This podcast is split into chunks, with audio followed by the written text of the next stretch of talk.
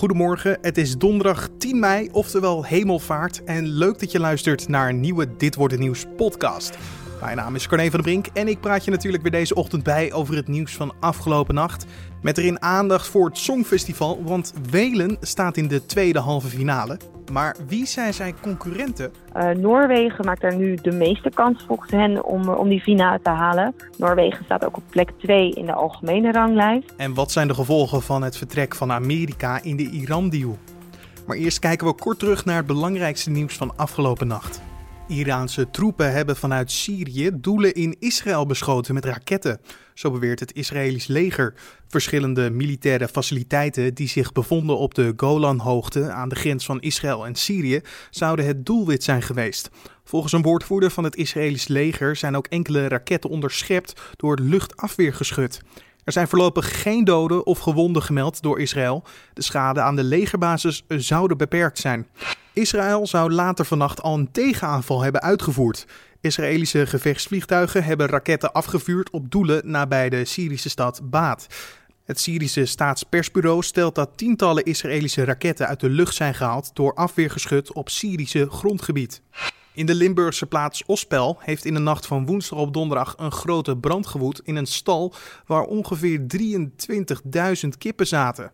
Volgens de Limburgse brandweer konden de dieren niet meer worden gered en zijn ze allemaal om het leven gekomen. De drie Amerikaanse gevangenen die zijn vrijgelaten door Noord-Korea hebben hun dank uitgesproken richting president Donald Trump. De drie vlogen woensdagnacht met de Amerikaanse minister van Buitenlandse Zaken Mike Pompeo mee terug naar de Verenigde Staten. En dan kijken we naar het nieuws van vandaag, oftewel dit wordt het nieuws. Vanavond staat Whalen in de tweede halve finale van het Eurovisie Songfestival. Daarover spreken we met Lara Zevenberg van onze entertainmentredactie. Zij is voor ons bij het Songfestival in Portugal. Collega Julian Dom belde haar alvast. En voordat het over Whalen ging, noemde hij eerst België. Die vielen dinsdag namelijk af. Was daar in Portugal nog iets van te merken? wij zitten in, in Lissabon zitten wij in een enorme persruimte. Daar kunnen ongeveer, ongeveer 500 journalisten kunnen hier zitten met hun laptop. Hebben met z'n allen hebben we de eerste halve finale gekeken. België die zat, uh, zat in elk geval niet bij ons in de buurt. Die waren voor een groot gedeelte ook in de zaal. Dus wij weten niet direct wat ze daarvan vonden. Maar we hebben wel op sociale media natuurlijk een beetje kunnen volgen hoe zij zich voelden toen Senek niet doorging. Uh, nou, ze, ze, ze, zijn wel duidelijk een beetje gepikeerd. Ze hebben toch zoiets van, ja hallo, uh, we hebben een goed nummer, we hebben een goede zangeres. maar jullie hebben toch liever dat, dat hysterische vuurgedoe van Cyprus of een, een zingende kip uit Israël ja, zij balen. Dan de locatie. Jullie zitten in, in een net iets ander plekje, net buiten de arena als pers. Hoe is het sowieso met die beveiliging in en rondom dat gebied, rond het uh, Songfestivalgebied? Ja, het, het, Songfestival, zeg maar, het, het evenement wordt, wordt, wordt gehouden in de Altis Arena hier in Lissabon. Uh, en wij zitten daar, nou ja, echt letterlijk net naast. We kunnen, we kunnen de, de arena zien staan.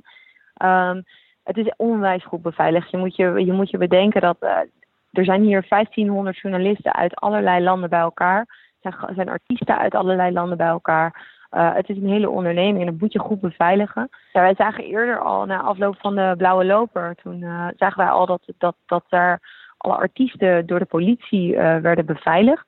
Zij werden met grote bussen weggereden en geëscorteerd door de politie. Uh, nou ja, dat is, dat is al een beetje hoe groot die beveiliging hier is. Wij als uh, journalisten, maar ook iedereen van de organisatie is verplicht om een, om een pas te dragen. Daar staat je naam, de outlet waar je voor werkt en, en, en een foto. en aan de hand van de kleur weten ze precies waar je wel en niet naar binnen mag. Daar zijn ze ook echt heel streng op. We moeten door beveiligingshekjes, die moeten we, kunnen je alleen maar aanzetten door die, door die pas te scannen. En daarna moeten we nog een beetje zoals op Schiphol moeten we uh, langs de beveiliging. Dan moet de tas moeten door een scan, uh, de statieven moeten door een scan, alle kleren moeten zo'n beetje uit. Dus ze fouilleren je best wel, best wel heftig. Um, en dat is echt alleen maar om, om die persruimte binnen te komen. Verder om de arena heen staan drie hekken dik, staan, uh, staan beveiligers. We hebben gisteren gezien dat ze nog een soort van ijzeren kruisen hebben toegevoegd, zodat auto's echt niet verder kunnen rijden.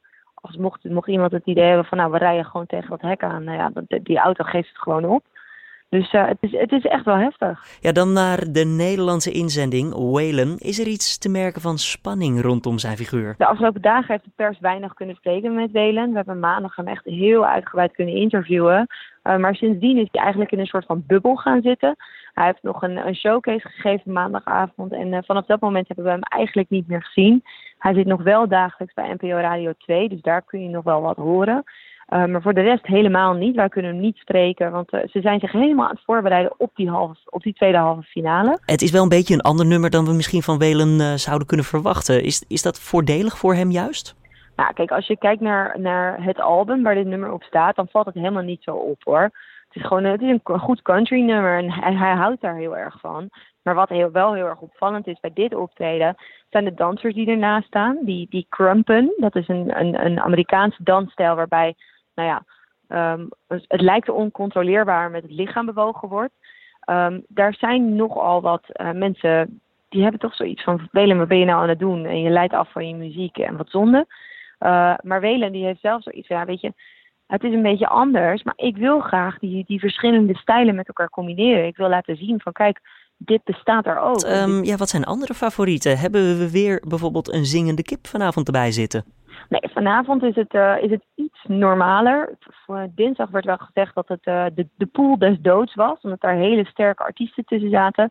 Dat zie je natuurlijk ook aan België die eruit is gevallen. Uh, vanavond is het, is het iets minder heftig.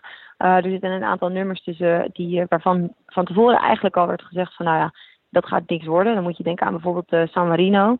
Die staan al wekenlang op plek 43. Nou, er doen 43 landen mee, dus je kunt nagaan wat ze ervan vinden. De boekmakers maken ook een lijst van welke 10 artiesten volgens hen donderdagavond doorgaan. Er doen 18 landen mee.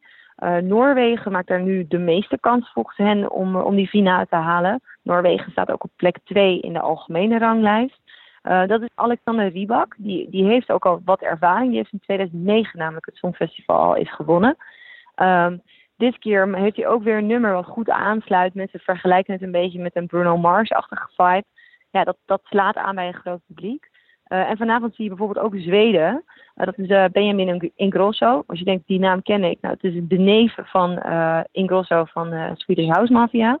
Nou, dat is ook een heel populair nummer. Die jongen die, die lijkt het heel goed te gaan doen. En ook Australië valt heel erg op. Daar zijn mensen hier toch wel heel erg groot fan van.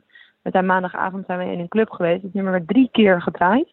Um, het is een, het is een grote, het is een, een, power ballad. En daar zijn mensen toch erg dol op tijdens het Songfestival. Vanavond kan je de tweede halve finale volgen in onze live blog in de app. Perfect om bij de hand te houden tijdens het kijken op televisie. We gaan het nog even over het Songfestival hebben. Want welke landen maken namelijk het meeste kans om door te gaan naar die finale? Hier de top 10 volgens de wetkantoren. Nummer 10. Letteland. Zangeres Laura Risotto is 23 jaar oud en schreef haar eerste nummer toen ze 11 was. Inmiddels heeft ze meer dan 100 nummers op haar naam staan. Vanavond treedt ze op met Funny Girl.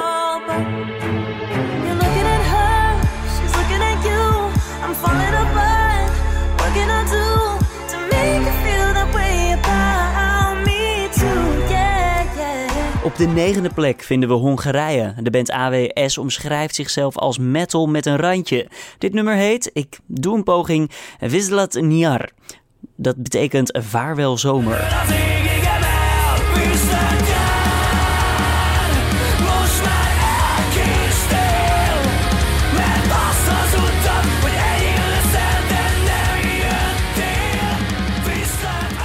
Nederland vinden we terug op plek 8. Waylon zingt voor ons Outlaw in hem.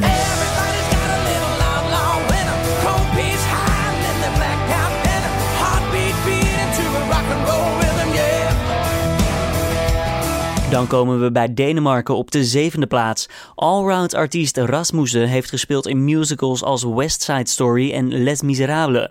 Hij kan van alles, maar of hij de halve finale kan winnen met het nummer Higher Ground, moeten we nog zien.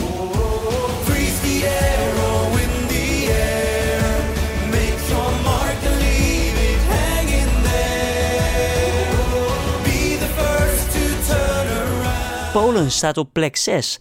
Gromé en Lucas Meijer representeren het land met Light Me Up.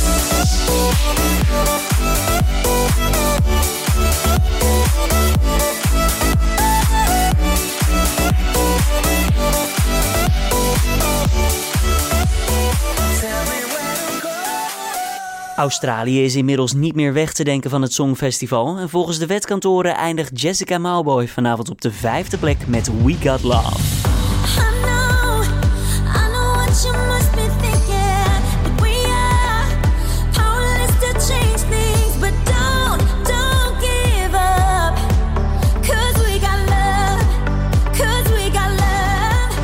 Nu wordt het spannend, want plek 4 is voor Oekraïne en Melovin. De naam van de zanger is een combinatie van de feestdag Halloween en de Britse modeontwerper Alexander McQueen.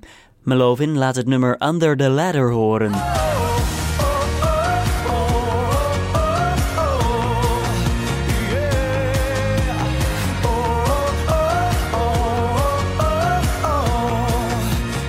Moldavië bezit de derde plek. Doredos is een volkpop-trio. De band bestaat sinds 2011 en ze staan vanavond in Lissabon met het nummer My Lucky Day. Laten we hopen dat dat ook voor hun geldt.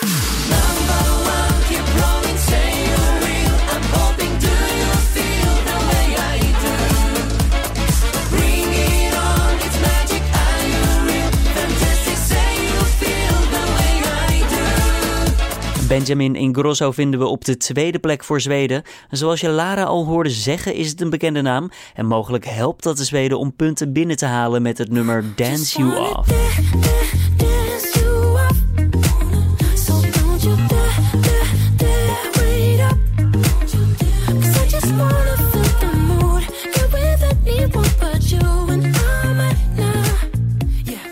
Noorwegen. Zij maken de rij af en staan op nummer 1. Alexander Rybak doet mee met het nummer That's How You Write a Song. Step one, believe in it, sing it all day long. Step two, just roll it,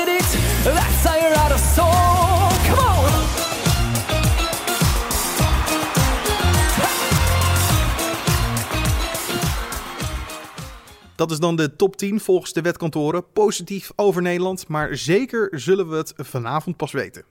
Donald Trump heeft de stekker uit het atoomakkoord met Iran getrokken. Trump was al behoorlijk kritisch over dat akkoord en Europese landen staan nog wel achter de gemaakte afspraken. Volgende week vindt er dan ook een topoverleg plaats met Iran. Desondanks zorgt het Amerikaanse besluit wel voor onrust, want met het akkoord was er ruimte voor investeringen in het land. Hoe zit dat nu? Daarover praten collega Julian Dom met Hans de Boer, voorzitter van werkgeversorganisatie VNO-NCW. Want zijn er momenteel veel Nederlandse bedrijven op enige manier actief in Iran? Uh, het is nog niet heel veel, maar het groeit wel heel snel. Uh, dus uh, de handel, exporten en importen bij elkaar opgeteld tussen Iran en Nederland uh, ligt op 1,7 miljard. Dus zeg maar een slordig anderhalf miljard. En drie jaar geleden was nog bijna niks. Dus het groeit wel snel. Maar het is, uh, gelet op wat wij totaal aan handel doen in de wereld, is het nog heel weinig. En op welke vlakken zijn wij dan vooral actief? Uh, wij hebben het dan over alles wat te maken heeft met de agrarische sector en de tuinbouw. Uh, uitgangsmaterialen, systemen om kassen te bouwen, maar ook industriële productie en ook um, energie, uh, in de energiehoek vooral. Dat zijn de drie belangrijkste sectoren. En die sectoren die hebben dus gezorgd voor een flinke stijging dus. Maar um, weten we dan ook wat het Amerikaanse besluit tot gevolg heeft voor deze bedrijven? Want anderhalf miljard euro, ja, het is toch niet niets? Nee, het is niet niks. Uh, maar het is vergeleken met wat we doen in de Verenigde Staten, is het een fractie. En, en dat is nu even het punt. Uh, Trump heeft onzekerheid gecreëerd, maar stevige paal gebezigd en heeft gezegd van uh, denk erom, alle bedrijven die nu nog zaken blijven doen met uh, Iran, die gaan in de Verenigde Staten oplopen tegen allerlei hindernissen en belemmeringen en boetes en noem het allemaal maar op. En dat leidt ertoe dat als jij een bedrijf hebt dat zeg maar, uh, ik noem maar een, een bedrag, uh, 100.000 euro uh, per jaar verscheept naar Iran, maar naar, naar de Verenigde Staten bijvoorbeeld een miljoen doet of 2 miljoen, dan zegt dat bedrijf ja, dan is de Verenigde Staten is voor mij veel belangrijker dan, dan Iran. Dus weet je, dan met, met dat dreigement ga, dan, ja, dan, ga ik maar, dan ga ik mijn activiteiten op, uh, op Iran terugschroeven. Dus uh, om dat nou eens een beetje stevig te zeggen, wij verwachten hier dat de handel uh, met Iran zo'n beetje naar het, niet helemaal misschien, maar zo'n beetje naar het nulpunt teruggaat. Omdat ondernemingen niet het risico willen lopen dat ze op de veel belangrijkere Amerikaanse markt allerlei problemen ontmoeten. Komen wij dan ook niet over als een onbetrouwbare handelspartner? Ongeacht dat het niet onze schuld was als Nederland, maar ja, we zijn er wel in verwikkeld geraakt. Ja, kijk, we kunnen er niks aan doen. Uh, laat dat duidelijk zijn als Nederland. Uh, de, althans, uh, zeker niet op korte termijn. er wordt wel gekeken nu, wat kunnen we in Europees verband met, met, met de Europese collega's doen om toch nog ja, zaken zo goed mogelijk aan de praat te houden. Maar we kunnen er niks aan doen als jij een bedrijf hebt waar 100 mensen werken en die doet een heel klein beetje op Iran, maar heel veel op de Verenigde Staten, dan kan je natuurlijk niet uh, het risico lopen dat je de, de, de belangrijke Amerikaanse markt kwijtraakt en daarmee ook de banen in Nederland. Dus ja, dan kan je niet anders dan je aanpassen. Dus zo'n zo'n politiek besluit van Trump is voor een bedrijf en voor een land als Nederland een gegeven en daar moet je je aan aanpassen. Maar fraai is het niet. Dus we zijn er niet blij mee. Uh, en dat gaat niet alleen om het economische effect, dat wil ik met nadruk zeggen. Want dat is te overzien. Dus daar moeten we niet over in paniek raken. Maar waar het wel om gaat, is: kijk, handel is één ding en is een economisch ding. Maar handel leidt ook tot contacten tussen landen. De luiken gaan open, die zijn open gegaan. Er, mensen uit Iran hebben contact met mensen uit Nederland en omgekeerd. Nederlanders gaan daar soms ook al op vakantie. Nu gaan de luiken dicht. En dat is wel jammer. Ja. Zijn er bedrijven die wel contact met jullie hebben opgenomen als werkgeversorganisatie van um, ja, we zitten met een probleem en komen er toch niet helemaal uit? We kunnen niet onder onze afspraken vandaan komen. We, we kunnen dat gat niet dichten? Ja, er zijn vandaag uh, uh, aardig wat telefoontjes binnengekomen hier. En wat ons is opgevallen, dat is dat die bedrijven die zijn een beetje voorzichtig. Want aan de ene kant zeggen ze: Goh, wat is dat nou toch jammer?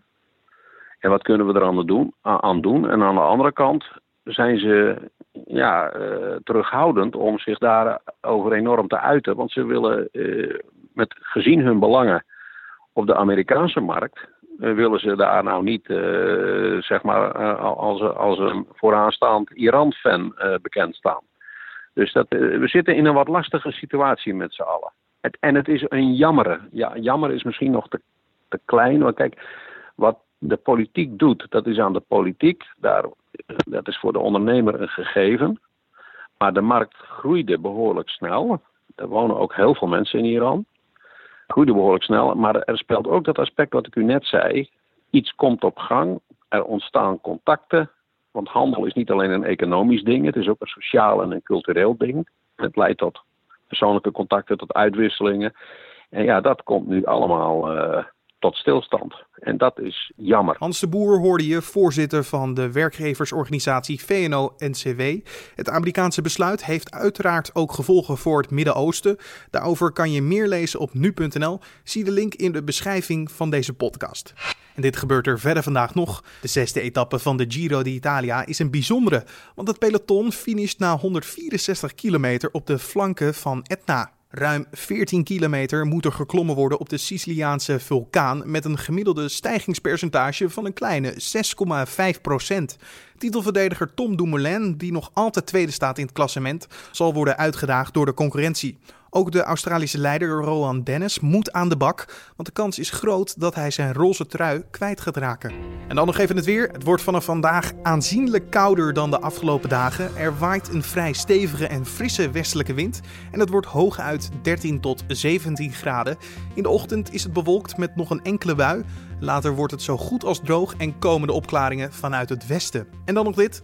De Amerikaanse politie zoekt het pak van superheld Iron Man. Het kostuum, dat een geschatte waarde heeft van 325.000 dollar, circa 274.000 euro, verdween uit een loods met filmattributen. Het is nog onduidelijk of het vermiste pak is gestolen. Voor zover bekend zijn er geen andere voorwerpen verdwenen.